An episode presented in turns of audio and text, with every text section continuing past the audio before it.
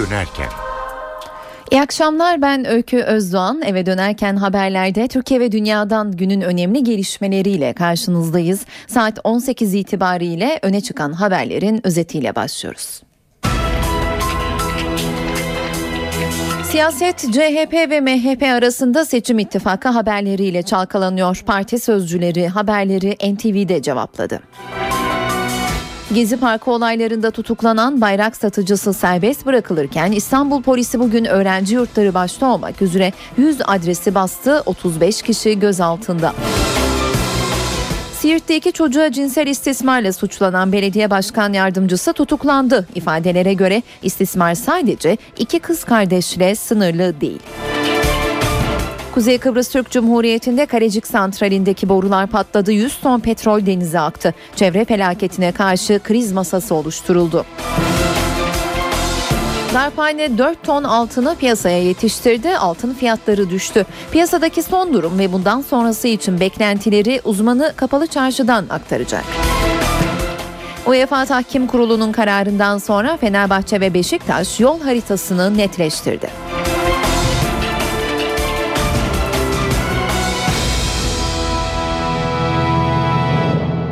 Yerel seçimde CHP ile MHP'nin ittifak yapacağı haberleri siyasetin gündemine bomba gibi düştü. CHP Genel Başkan Yardımcısı Haluk Koç ve MHP Genel Başkan Yardımcısı Semih Yalçın NTV canlı yayınında bu haberleri cevapladılar. Her ikisi de doğru değil dedi. Ancak CHP'li Koç'un bu iktidarın geriletilmesi için üzerime düşen her şeyi yapabilecek tercihi kullanırım şeklindeki açıklaması yankı yarattı. Yerel seçimde CHP ile MHP'nin ittifak yapacağı, Ankara'da MHP, İstanbul ve İzmir'de de CHP adayının destekleneceği iddiası siyasi kulisleri hareketlendirdi. Ancak NTV yayınına katılan CHP ve MHP sözcüleri seçim ittifakına ilişkin iddiaları yalanladı. Siyasi partiler arasında e, üst yönetici olduğum için söylüyorum. Böylesi bir görüşme gerçekleşmemiştir. Böyle bir diyalog arayışı söz konusu değildir. Milliyetçi Hareket Partisi kendi organları içerisinde böyle bir görüşme yapmadı. Partimize böyle bir teklif gelmedi. Milliyetçi Hareket Partisi'nin de CHP'ye veya bir başka partiye bu anlamda herhangi bir teklifi ulaşmadı ve gönderilmedi.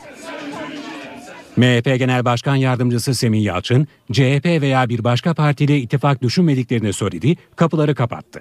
Aday tespitini yaparken de herhangi bir partiye hoş gelir mantığıyla değil, halkı halka hoş gelir mi, kabul görür mü noktasında bir ölçü ortaya koyuyoruz. Dolayısıyla Peki. bu noktada bizim MHP, MHP'nin CHP ile böyle bir ittifakı söz konusu değil, hiçbir zamanda olamaz. CHP Genel Başkan Yardımcısı Haluk Koç da resmi görüş olarak ittifakın söz konusu olmadığını söyledi ama kişisel görüş olarak seçim ittifakına sıcak baktığını açıkladı. Vatandaş Haluk Koç olarak söylüyorum. Bu ceberrut iktidar yapısının geriletilmesi için üzerime düşen her şeyi yapabilecek tercihi kullanırım. Siyasetin bugünlerde öncelikli gündemi anayasa değişikliği. Muhalefet ilk dört maddenin değiştirilemeyeceği ve tutuklu vekiller sorununun çözülmesini şart koşuyor. Bu şartlara AK Parti Genel Başkan Yardımcısı Mehmet Ali Şahin NTV'den cevap verdi. Dinliyoruz. Ben şu haliyle tutuklu milletvekilleri sorununun 48 madde meclisten çıkarsa çözüleceği kanaatindeyim. CHP 48 maddenin meclisten geçirilmesi için tutuklu vekil sorununun çözümünü şart koştu. AK Parti'den konuya ilişkin olumlu sinyaller geldi. Dokunulmazlıkları e, bulunmadığı için şu anda tutukluk halleri devam ediyor. Şimdi siz 83'ün 14. maddeye yaptığı atfı kaldırırsanız, 14 ortadan kaldırırsanız e, dokunulmazlıkla ilgili sorun ortada kalır mı? AK Parti Genel Başkan Yardımcısı Mehmet Ali Şahin, muhalefetin ilk dört madde değiştirilemez tartışmalarına da değindi. Bunlar sizin kırmızı çizginiz olamaz. Ey CHP'li arkadaşlar, ey MHP'li arkadaşlar. Bunlar darbecilerin kırmızı çizgisi. Neden dili Türkçedir'in başına resmi dili Türkçedir koyamayalım efendim? Ciddi bir rahatlama getirmeyecek mi resmi dili Türkçedir ifadesi? Yoksa dört siyasi partinin de ne Cumhuriyet'in temel nitelikleriyle, ne bayrağıyla, efendim ne İstiklal Marşı'yla, ne başkentiyle hiçbir sorunu yok. Meclis Başkanı Cemil Çiçek partilerin yeni anayasa konusunda uzlaşamamasından şikayet etti. Çiçek bohçanın dört ucunu bir araya getiremedik dedi. bugüne kadar gerçekleştirilen çalışmaların heba edilmemesi gerekmektedir. Yapılan açıklamalar, değerlendirmeler işimizi çok da kolaylaştırmıyor, onu da söyleyeyim. Meclis Başkanı Cemil Çiçek yeni anayasa çalışmalarında gelinen aşamayı böyle yorumladı. Bunun sorumluluğu omuzlarımızdadır. Taahhüdümüzü yerine getirinceye kadar da omuzlarımızda durmaya devam edecektir. Amacımız baştan sona yepyeni bir anayasa diyen Meclis Başkanı, Başbakan Recep Tayyip Erdoğan'ın dört partinin uzlaştığı 48 maddenin ayrı bir teklif olarak meclise getirilmesi önerisini de değerlendirdi. 48 madde olmasın diye açıklama var. Daha fazla uzlaşacağımız maddenin olabileceğini söylüyorum. Ee, bunlar biz bu ürünleri, bu ihtiyaçları ve imkanları ortaya koyarız. Biz tabii bu bilgileri siyasi partilerimize sunuyoruz. Siyasi partilerimiz bunları nasıl yapar, nasıl değerlendirir, kısım kısım mı, tümünü mü bekler?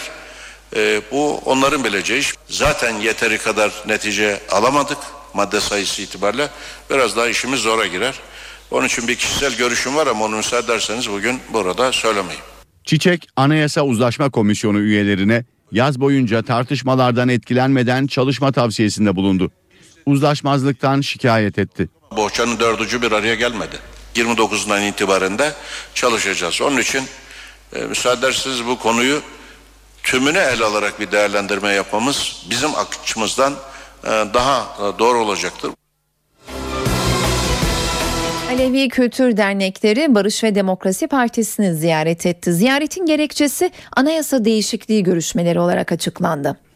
Alevi Kültür Dernekleri Başkanı Doğan Demir, anayasa değişikliği çalışmalarında Alevilerin hak ve özgürlük talepleriyle ilgili bir gelişme olmadığını belirterek eşit yurttaşlık ve 75 milyon insanı kaplayacak bir değişiklik olmasını bekliyoruz dedi. BDP eş başkan yardımcısı Meral Danış da farklı inançların yaşamlarına ilişkin pozitif ayrımcılık yapılması gerektiğini vurgulayarak diğer partilerin onayını almış durumda değiliz ama ilerleme kat etmeye çalışıyoruz dedi. Genelkurmay Başkanı Orgeneral Necdet Özel şehit aileleri ve gazilere iftar yemeği verdi. Gazi Ordu Evi'nde geçen hafta verilen iftar yemeğine kuvvet komutanlarıyla garnizondaki general ve amiral ailelerinde katıldığı açıklandı.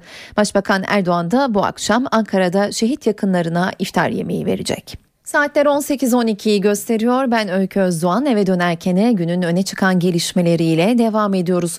Gezi Parkı olayları sırasında tutuklanan bayrak satıcısı serbest bırakıldı. Ancak İstanbul polisi operasyonları genişleterek sürdürüyor. Bugün öğrenci yurtları ile birlikte yüze yakın adrese baskın yapıldı. 35 kişi gözaltına alındı. Bayrak satmaya Taksim'e gitti, isyana teşvikten tutuklandı.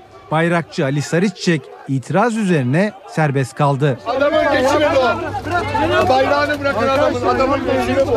Örgütle mürgütle bizim ne işimiz var? Aha biz örgüt istiyorlarsa 5 çocuk var. Bir baba bir de anne 7 kişi biz de örgütüz o zaman. Merhamet Sarıçiçek eşinin üye olduğu örgütü böyle anlatmıştı. Şimdi kocası cezaevinden çıkacak. Bayrakçı ile birlikte o gün 7 kişi daha tutuklanmıştı. Kimi gazdan kaçmak için karakola sığınmış, kimi ailesiyle birlikte Taksim'e gelmişti. Hepsi serbest bırakıldı.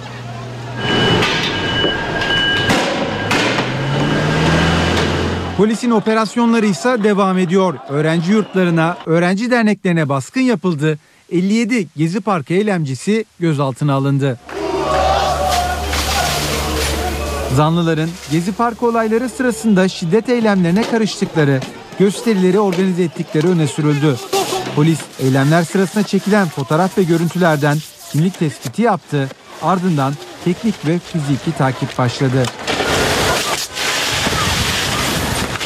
Terörle Mücadele Şubesi ekipleri sabaha karşı 100 adrese operasyon yaptı. Gözaltına alınanlar arasında liseli öğrenciler de var.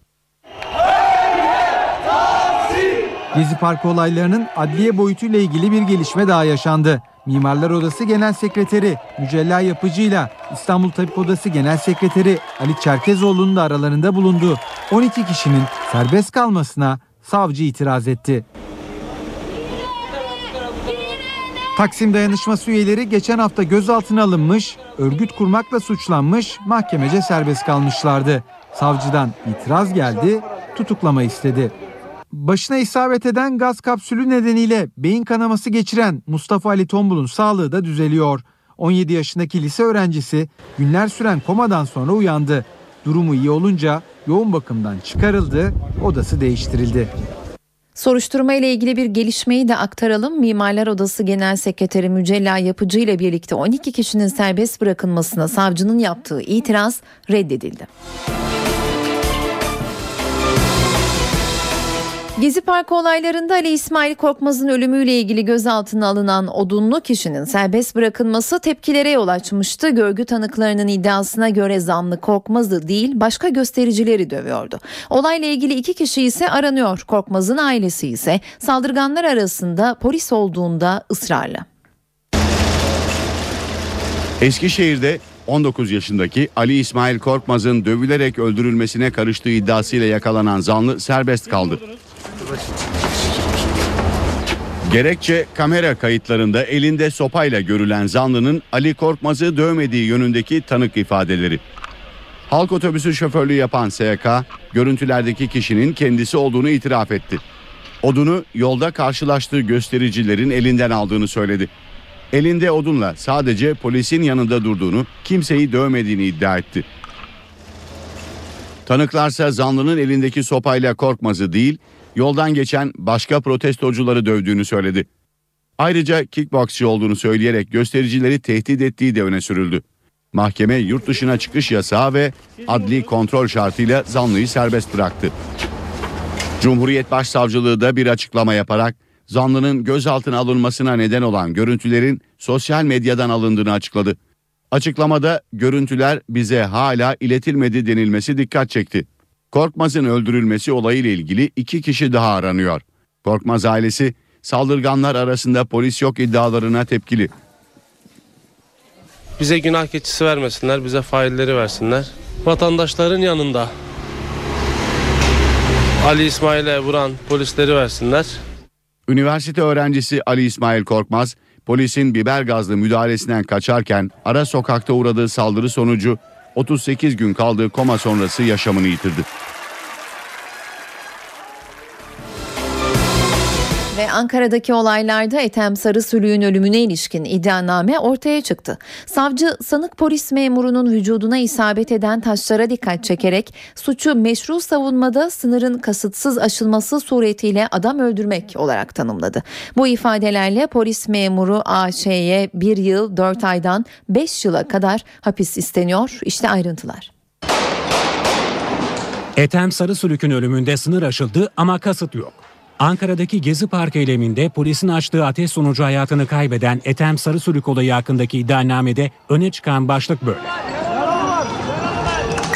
İddianamede sanık polis memuru Ayşe'nin atış öncesi ve esnasında vücudunun muhtelif yerlerine isabet eden taşlar dikkate alındığında meşru savunma sınırını kasten aştığının söylenemeyeceği, sınırın kasıt olmaksızın aşıldığı vurgulandı.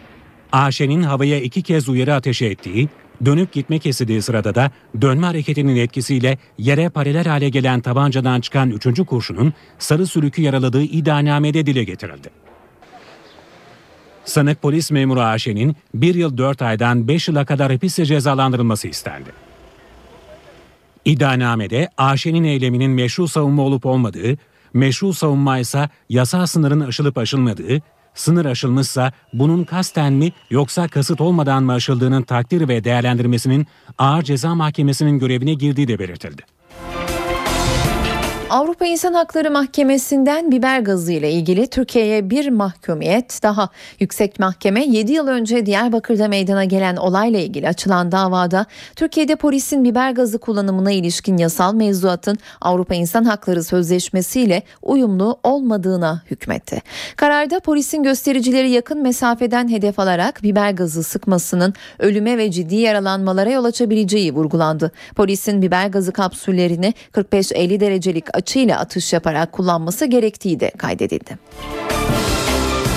Siirt'te iki çocuğa cinsel istismar iddiasıyla gözaltına alındıktan sonra bırakılan belediye başkan yardımcısı tepkiler ve savcının itirazı üzerine tutuklandı ve ifadelere bakılırsa istismar sadece iki kız kardeşle sınırlı kalmamış.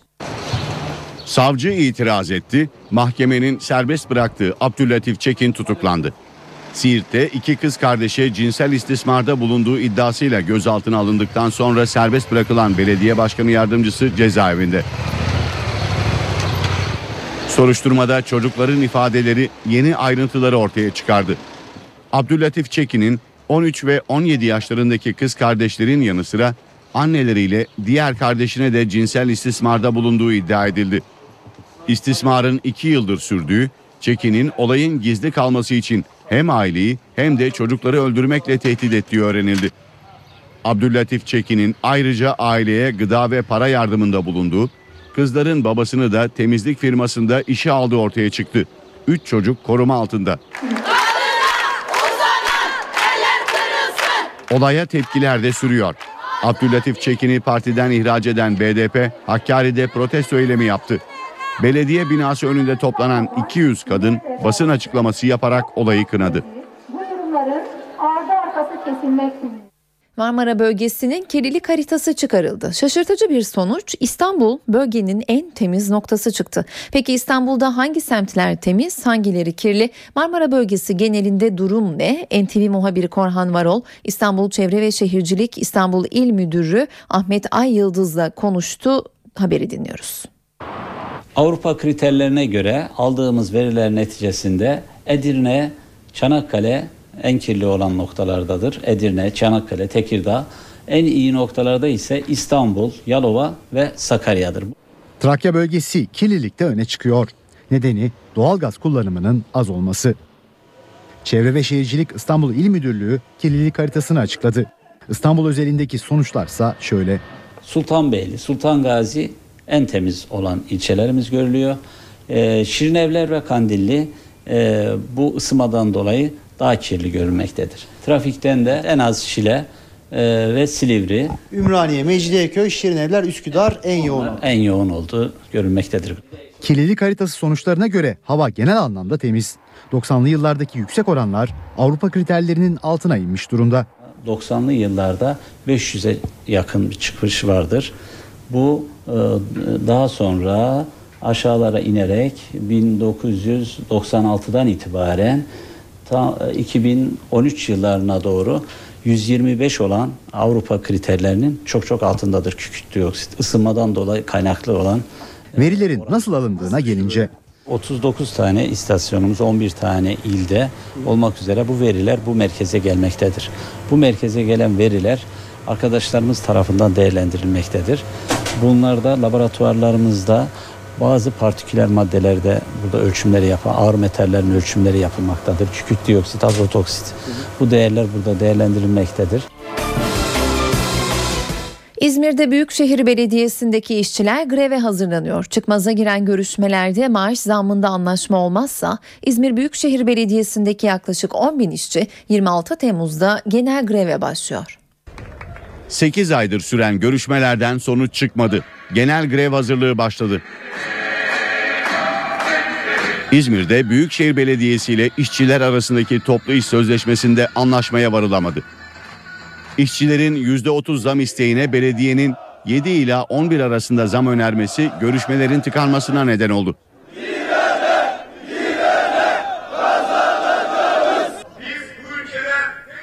Sabah saatlerinde belediye önünde toplanan çalışanlar oturma eylemi yaptı.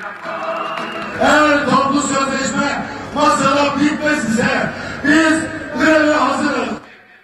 Diske bağlı 10 bine yakın çalışanı kapsayan sözleşme için taraflar arasındaki görüşme devam ediyor. Anlaşma sağlanamazsa 26 Temmuz'da işçiler genel greve başlayacak. Aralarında temizlik ve park bahçeler müdürlüğüne bağlı işçilerle belediye personelinin bulunduğu 7500 çalışan greve katılacak. Grev kapsamı dışında bulunan ulaşım, itfaiye ve İSSU'da ise grev boyunca iş yavaşlatılacak.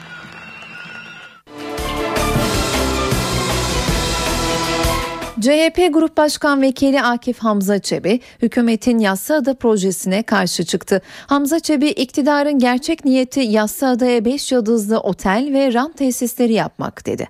Yassıada'da demokrasi müzesi dışında adanın doğal ve tarihi karakterini bozacak bir yapı olmaması gerektiğini savunan CHP'li Hamza Çebi, toplumsal hafızada Yassıada'nın acılarla anımsandığını belirtti. Hamza Çebi, adada 5 yıldızlı otel planlanması, adanın tarihine, Menderes, Zorlu ve Polatkan'ın hatıralarına saygısızlıktır ifadelerini kullandı. Diyarbakır'da el yapımı bombanın patlaması sonucu 6 kişi yaralandı. Patlama Merkez Bağlar ilçesi Kaynartepe mahallesinde oldu. Sokağın girişinde el yapımı bomba patladı. Yaşları 16 ila 17 arasında değişen 6 kişi yaralandı. Patlayan malzemenin içine farklı maddeler konularak çakmak gazı tüpüyle hazırlanan el yapımı bomba olduğu belirtiliyor. Patlamanın nedeni araştırılıyor.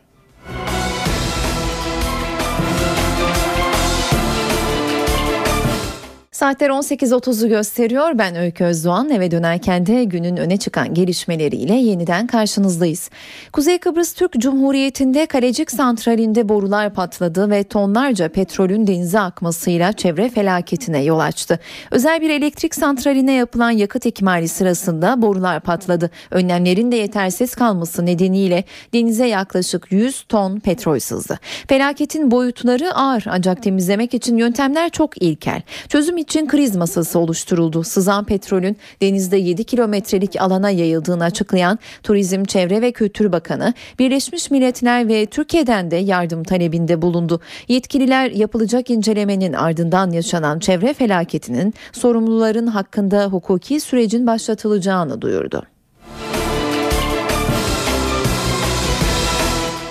Mısır'ın başkenti Kahire'de çatışmalar dün gece tırmandı. Morsi'yi destekleyen yüzlerce kişinin Kahire'nin merkezinde trafiği kesmesi üzerine polis biber gazıyla müdahale etti. Göstericilerin taş atmasıyla çatışma çıktı. 7 kişi öldü, 261 kişi yaralandı. Sabaha kadar süren olaylarda 400'den fazla gözaltı olduğu bildiriliyor.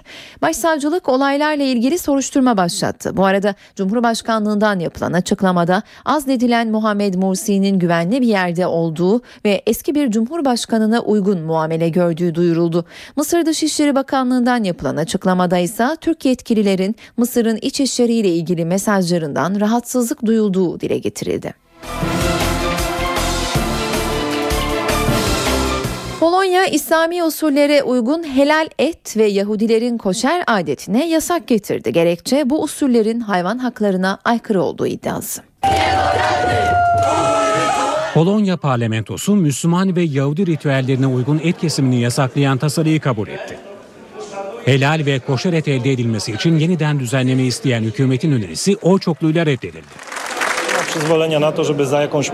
Bugün Polonya parlamentosu ve hayvan hakları için çok önemli bir gün. Ancak karşı oy veren milletvekilleri yaptıklarından utanmalı. Polonya Anayasa Mahkemesi tarafından 2012 yılında getirilen yasakla başlayan süreci de son nokta konmuş oldu. Zira mahkeme hayvanların uyuşturulmadan kesilmesini eziyet ederek yaralama olarak değerlendiriyordu. Parlamentodan geçen tasarıyla ilk tepki İsrail'den geldi. Dışişleri Bakanlığı kararı kabul edilemez olarak değerlendirdi.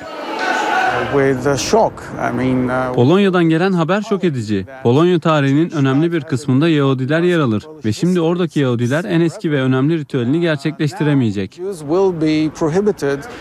Amerika Birleşik Devletleri'ndeki Yahudi lobileri de kararın din özgürlüğüne darbe olduğunu açıkladı. Polonya'nın mevzuatı Avrupa Birliği ile de çalışıyor. Birlik kriterlerine göre Müslüman ve Yahudi ritüelleri hayvan kesiminde istisna olarak görülüyor. Amerika Birleşik Devletleri'ne geçelim. Siyahi gencin öldürülmesi, katilin ise nefsi müdafaa gerekçesiyle serbest kalması üzerine Amerikalılar 3 gündür sokaklarda. Protestolar yer yer şiddetli gösterilere dönüşüyor. Polis protestoculara önce anayasal gösteri hakkını tanıyoruz dedi. Ardından önce ailelere çocuklarınıza sahip çıkın çağrısı yaptı. Sonra da biber gazıyla müdahale etti ve gözaltılar başladı. Gösteriler yayılıyor. Peki soruşturmada son durum ne? Şimdi New York'a bağlanacağız. NTV temsilcisi Selim Atalay telefon hattımızda bize son haberleri aktaracak. Selim Zimmerman kayıplara karıştı. Adalet Bakanlığı soruşturmasından ne bekleniyor? Gösterilerin artarak yayılması sonucu değiştirir mi? Fakat bağlantımızda bir problem oldu sanıyorum. Selim'e tekrar bağlanacağız. Biz eve dönerken kaldığımız yerden devam edelim. Yunanistan'da bu yıl içinde dördüncü kez genel grev ilan edildi. Binlerce çalışan hükümetin kemer sıkma politikalarını protesto için iş bıraktı. Yunanistan'da hayat durduruldu. 24 saat sürecek genel greve kamu ve özel sektörden geniş katılım oldu. Hükümetin toplu işten çıkarma planına karşı işçiler, öğrenciler ve emekliler sokağa döküldü. Yunan hükümeti yıl sonuna kadar 25 bin kamu çalışanının işine son vermeyi hedefliyor. Ülkedeki işsizlik oranı ise şimdiden %27'yi buldu. Yoğun itiraz ve grev çağrıları nedeniyle Samaras hükümetinin yeni kemer sıkma tedbirlerini meclisten geçirirken zorlanacağı belirtiliyor.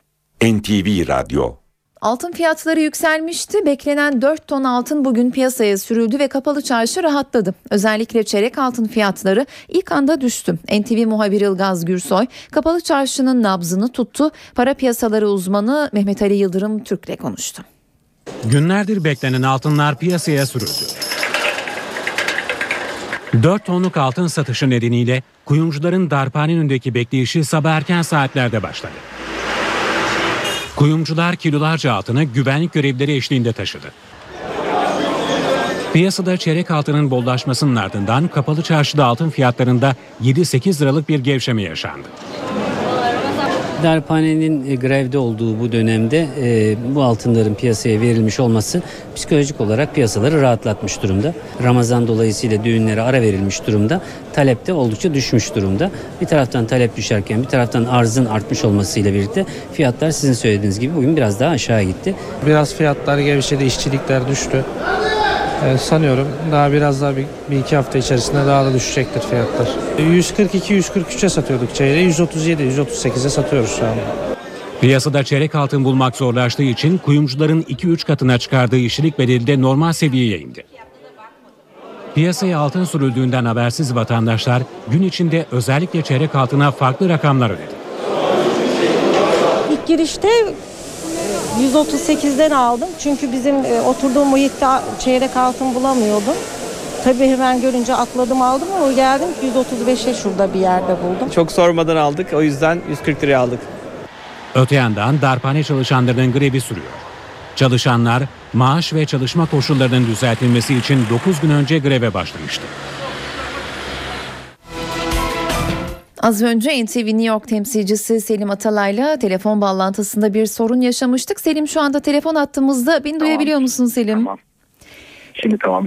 Tamam. Siyahi gencin öldürülmesi, katilin ise nefsi müdafaa gerekçesiyle serbest kalması üzerine Amerikalılar 3 gündür sokaklarda dedik. Bir yandan da Zimmerman kayıplara karıştı. Adalet Bakanlığı soruşturmasından ne bekleniyor? Gösterilerin artarak yayılması sonucu değiştirir mi? Senden dinleyelim. Şimdi e, Zimmerman ortadan kayboldu çünkü herkes hayatına endişe ediliyor. Çünkü e, bu protesto gösterilerinde Zimmerman'ın e, ölü ya da biri tekrar halk tarafından ele geçirilmesini savunan tişörtler dağıtılmaya başlandı. Yani durum o açıdan parlak değil. Onun dışında e, Adalet Bakanlığı üzerinde evet bir baskı var. E, siyah gruplar e, bu davanın yeniden görülmesini istiyorlar ama e, Adalet Bakanlığı da biliyor ki bu dava gayet sağlam, karar gayet sağlam ve maalesef hukuka gayet uygun. Yani e, yasalarda e, o olay o şekilde gerçekleştiyse bir kişinin tabancasını çekip diğerini vurması gayet meşhur bir olay sayılıyor. Adalet Bakanlığı tekrar bakıyor nasıl tekrar bu dava açılabilir? Şöyle açılabilir bu saldırının ırkçı gerekçeyle ve önceden tasarlanarak gerçekleştiğinin e, kanıtlanması halinde. Yani bu sefer savcılığın bunu kanıtlaması lazım ki Hı. daha hafif bir saldırı suçunu kanıtlayamayan savcılığın bunu kanıtlaması çok daha zor. O zaman e, saldırganın ırkçı olduğunu kanıtlanması lazım, tasarladığının kanıtlanması lazım. Yani hukukçular o yolun kapalı olduğunu söylüyorlar.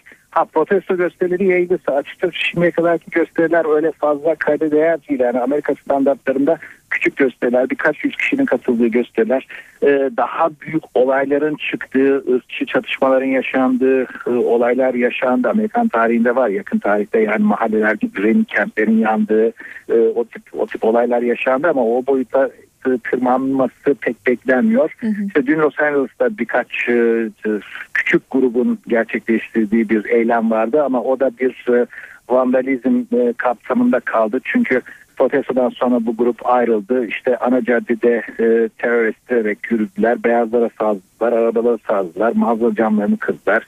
Bir büyük alışveriş merkezine girip yağma ya giriştiler. Ee, bir kısım e, 15-20 kişinin yağması görüldü. Ve polis bir noktada e, caddeyi kesip e, şu noktaya kadar işte anayasal gösteri özgürlüğünüz var. Bir noktadan sonra da duracaksınız diye uyarı yaptı. E, bir süre verdi polis. Sonra e, bir sürenin o sürenin sonunda yarım saat bir saat gibi bir sürenin sonunda bu toplantıyı yasa dışı ilan edeceğim dedi. E, dağılmayanları da gözaltına alacağım dedi ve bu da gerçekleşti. Yani işte yarım saat e, millet verdiler sonra da e, polis dağılmayanları gözaltına almaya başladı. O da 13-15 kişi E, ve şimdilik Los Angeles'ta yatışmış gibi ama tabii yeni gün daha yeni doğuyor Los Angeles'ta. Bundan sonra ne olur olaylar e, protesto gösterileri sürecek gibi ama tekrar küçük çaplı gösteriler gibi duruyor ve genelde kamu düzenini bozan eylemlere de biliyoruz ki Amerikan polisi izin vermiyor. Peki Selim teşekkürler. NTV New York temsilcisi Selim Atalay'dan Amerika'daki protestolar ve Adalet Bakanlığı'nın soruşturması ile ilgili son gelişmeleri dinledik. Benzine 8 gün aradan sonra ikinci kez zam geldi. Gece yarısından itibaren geçerli olmak üzere benzinin pompa fiyatları 8 kuruş artacak. Benzine en son zam bir hafta önce 11 kuruş olarak gelmişti. 10 Temmuz'da ise motorine 7 kuruş zam yapılmıştı. Şimdi ekonomi notlarıyla devam edelim eve dönerken para ve sermaye piyasalarında neler olduğuna bakacağız. CNBC'den Enis Şener'demi dinliyoruz. İyi akşamlar. Küresel iyimserlikle birlikte direnç seviyelerini hızlı aşan Borsa İstanbul'da bugün kar satışları hakimdi. Endeks günü %0.72 kayıpla 76 bin seviyesinin altında tamamladı. Analistler satışların normal karşılanması gerektiğini, 77 bin direncinin piyasa için oldukça güçlü olduğunu söylüyor. Bu hafta için BIST yüzde belirleyici konu ise yarın ve ertesi gün konuşacak olan ABD Merkez Bankası Fed'in Başkanı Bernanke olarak görülüyor. Genel kanı Bernanke'nin parasal genişlemelerin bir süre daha devam edeceğine dair açıklamalar yapması durumunda BIST yüzde yükseliş inmesi korunabilir. TL tarafında ise geri çekilme bugün de devam etti. Merkez Bankası'ndan faiz koridorunda adım beklentileriyle birlikte dolar TL 1.92'ye gerilemiş durumda. Tahvil piyasasında ise gözler hazinenin 2 ve 10 yıllık tahvil ihraçlarındaydı. İhalelerde talep beklentilere paralel olunca gösterge faiz %9'un altında kalmaya devam etti. Yurt dışında bir yandan ABD'den açıklanan bilançolar izlenirken diğer yandan Bernanke'nin açıklamaları öncesi pozisyonlar belirleniyor. Avrupa borsalarında gün boyunca düşüşler hakimdi. Euro dolar ise 1.31 üzerinde tutunmaya devam etti. NTV Radyo UEFA Tahkim Kurulu'nun kararına göre Fenerbahçe 2 yıl, Beşiktaş ise 1 yıl Avrupa kupalarında yok. Sporda gündemin ilk sırasında UEFA kararı var. Gözler Fenerbahçe ve Beşiktaş'ta. İki takımın yol haritası ne olacak? Bugün gelen açıklamalara göre son umut Uluslararası Spor Tahkim Kurulu KAS. UEFA Tahkim Kurulu'nun kararı sonrası bugün Ankara'da kritik bir buluşma vardı. Futbol Federasyonu Başkanı Yıldırım Demirören, Gençlik ve Spor Bakanı Suat Kılıcı makamında ziyaret etti. Demirören, federasyon olarak hem kulüpler hem de kişiler hakkında verdikleri kararların arkasında olduklarını vurguladı. Bakan Kılıcı UEFA'dan Türk futboluna karşı herhangi bir yaptırım beklemediklerini ifade etti. Şimdi spordaki diğer gelişmeleri dinliyoruz. UEFA Tahkim Kurulu'nun Fenerbahçe ve Beşiktaş'la ilgili verdiği karar sonrası bugün Ankara'da kritik zirve vardı. Futbol Federasyonu Başkanı Yıldırım Demirören, Gençlik ve Spor Bakanı Suat Kılıç'ı makamında ziyaret etti. Futbol Federasyonu Başkanı Yıldırım Demirören'le Gençlik ve Spor Bakanı Suat Kılıç arasında bugün öğle saatlerinde gerçekleşen görüşmede tahkim kararları masaya yatırıldı. Demirören, federasyon olarak hem kulüpler hem de kişiler hakkında verdikleri kararların arkasında olduklarını vurguladı. Bakan Kılıç'a UEFA'dan Türk futboluna karşı herhangi bir yaptırım beklemediklerini ifade etti. Bye. Beşiktaş'ın bir yıllık cezasının onanması sonrası yönetim adına tek açıklama Melih Sami Esen'den geldi. Esen, UEFA'nın verdiği kararın ceza değil tedbir olduğunu vurguladı. Esen, UEFA Sayın Serdar Adalı ve Sayın Tayfur Avutçu'nun mahkemeden ceza almasını esas alıyor. Bu kararın Yargıtay tarafından bozulma ihtimali ya da onanma ihtimali olduğunu UEFA yetkilileri de biliyor. Durum böyle olunca UEFA Beşiktaş'ın tedbir amaçlı olarak bu sene Avrupa Kupalarına katılmasına izin vermiyor. Beşiktaş'a şu an verilmiş bir ceza yoktur. Burada dikkat edilmesi gereken kelime tedbirdir dedi. Galatasaray Felipe Melo transferinde adım adım sona yaklaşıyor. Sarı Kırmızılar Brezilyalı oyuncuyu kiralamak için görüşmelere başlandığını borsaya bildirdi. Galatasaray kulübünden borsaya gönderilen yazıda Felipe Melo'nun geçici transferi için Juventus'ta görüşmelere başlanmıştır denildi. Transferin kısa sürede bitmesi Brezilyalı oyuncunun Galatasaray kampına katılması bekleniyor. Trabzonspor ses getirecek bir transfere imza atmaya hazırlanıyor. Bordo Maviller Chelsea'nin Fransız yıldızı Malouda ile prensip anlaşmasına vardı. 2007'de Fransa'nın Lyon takımından İngilizce ve Chelsea'ye 13 milyon pound'a transfer olan Malouda 6 yıldır adada top koşturuyordu. Chelsea'de 149 maça çıkan Malouda 35 gol attı. Malouda 80 kez Fransa milli takımının formasını giydi. Medikal Park Antalya Spor Milan Baroş transferinde mutlu sona ulaştı. Sözleşme imzalamak için Antalya'ya gelen yıldız oyuncu havalimanında yaptığı açıklamada Türk futboluna geri döndüğüm için mutluyum dedi. Antalya Spor yöneticisi Hüseyin Samut Baroş'a güvendiklerini ifade ederken Galatasaray'daki performansından daha büyük performans sergileyeceğine inanıyoruz dedi.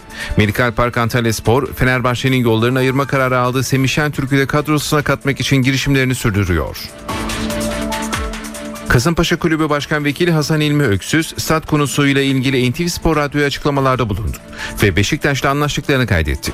Öksüz ayrıca Fenerbahçe'nin UEFA Tahkim Kurulu'nda şahit olarak kullandığı Orhan Şam'la kesin olarak yollarını ayıracaklarını açıkladı. Beşiktaş'la Kasımpaşa siyah beyazlı takımın yeni sezonda maçlarını Recep Tayyip Erdoğan stadında oynaması konusunda anlaşmaya vardı. NTV Spor'a konuyu değerlendiren Kasımpaşa Kulübü Başkan Vekili Hasan Hilmi Öksüz olayın imzaya kaldığını söyledi. Şu anda Beşiktaş'a prensip olarak biz anlaşmamızı yaptık. Ee, arkadaşlarımız da protokolü hazırladı ve şu anda protokol Beşiktaş'a gönderildi. Kendileri inceliyorlar ve o konuda bir sıkıntı olmadı takdirde yarın e, bir araya gelip imzayı atacağız inşallah. Bu sadece ligde oynanacak olan 14 maçla alakalı derbi maçları hariç 14 maçla alakalı bir anlaşma bu. Öksüz Fenerbahçe'den transfer edilen Orhan Şam'la yolları ayırmalarının gerekçesini de açıkladı. E, yurt dışına bir e, mahkeme tanık olarak götürülüyor Fenerbahçe Kulübü tarafından. Orhan Şam e, tabii ki dün Fenerbahçe'nin e, futbolcusuydu ama bugün itibariyle Kasımpaşa'nın futbolcusu. Dolayısıyla Orhan Şam en azından kendisinin yönetime müracaat ederek böyle bir duruşmaya gidip gidemeyeceğinin sorgulama sorması gerekiyordu, izlaması gerekiyordu. Bunu yapmadı. Artı Fenerbahçe kulübünün bunu yapması gerekiyordu. Ne kulüp tarafından ne de Orhan Şam tarafından böyle bir izin alınmadığı için yani yönetime müracaat edilmediği için e, bu kulübün de kendine göre koyduğu e, disiplin kuralları vardı. Bunları işletecektir. E, biz de bunu yaptık ve bu disiplin kuralını işlettik. Orhan Şam'la yollarımızı ayırıyoruz. 12 dev adamın Avrupa Şampiyonası mesaisi başlıyor. Slovenya'da 4-22 Eylül tarihlerinde gerçekleştirilecek 2013 Avrupa Erkekler Basketbol Şampiyonası'nda mücadele edecek A milli takımın aday kadrosu İstanbul'da bir araya geliyor. Ay Yıldızlar yarın da 11 günlük kondisyon kampı için İtalya'nın Bormio kasabasına gidecek. Chuck Davis 2 yıl daha Banvit forması giyecek. Banvit tecrübeli oyuncusuyla 2 yıllık yeni bir sözleşme imzaladı. Orhun Enen'in ayrılmasının ardından Yunan koç Itiodis'i takımın başına getiren bandırma temsilcisi Chuck Davis'le nikah tazeledi. Banvit 2009'dan bu yana takımda bulunan Chuck Davis'in sözleşmesini 2 yıl daha uzattı. Davis geçen sezon ligde 13.8 sayı, 4.3 rebound, 2.6 asist ortalamalarıyla mücadele etti. Gelelim kültür sanat dünyasından haberlere size çeşitli etkinliklerden bir derleme sunuyoruz.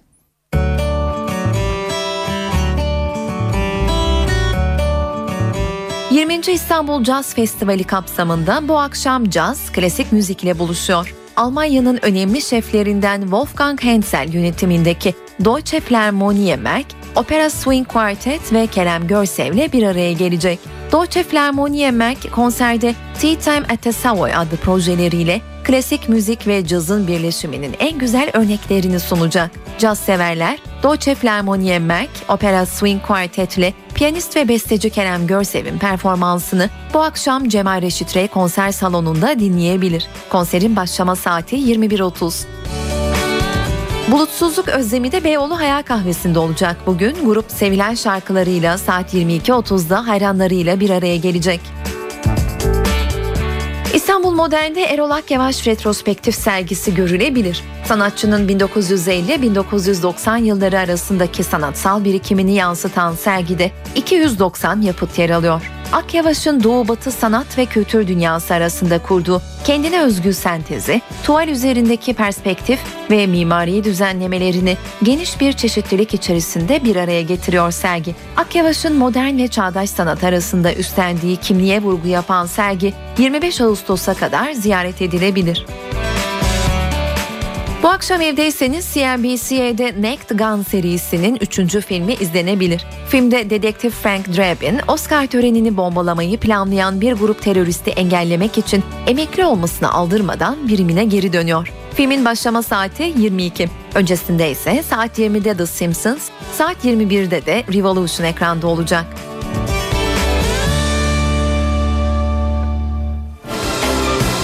Böylece eve dönerken programının sonuna geldik. Ben Öykü Özdoğan. Yarın akşam aynı saatte karşınızda olacağız. Şimdilik hoşçakalın.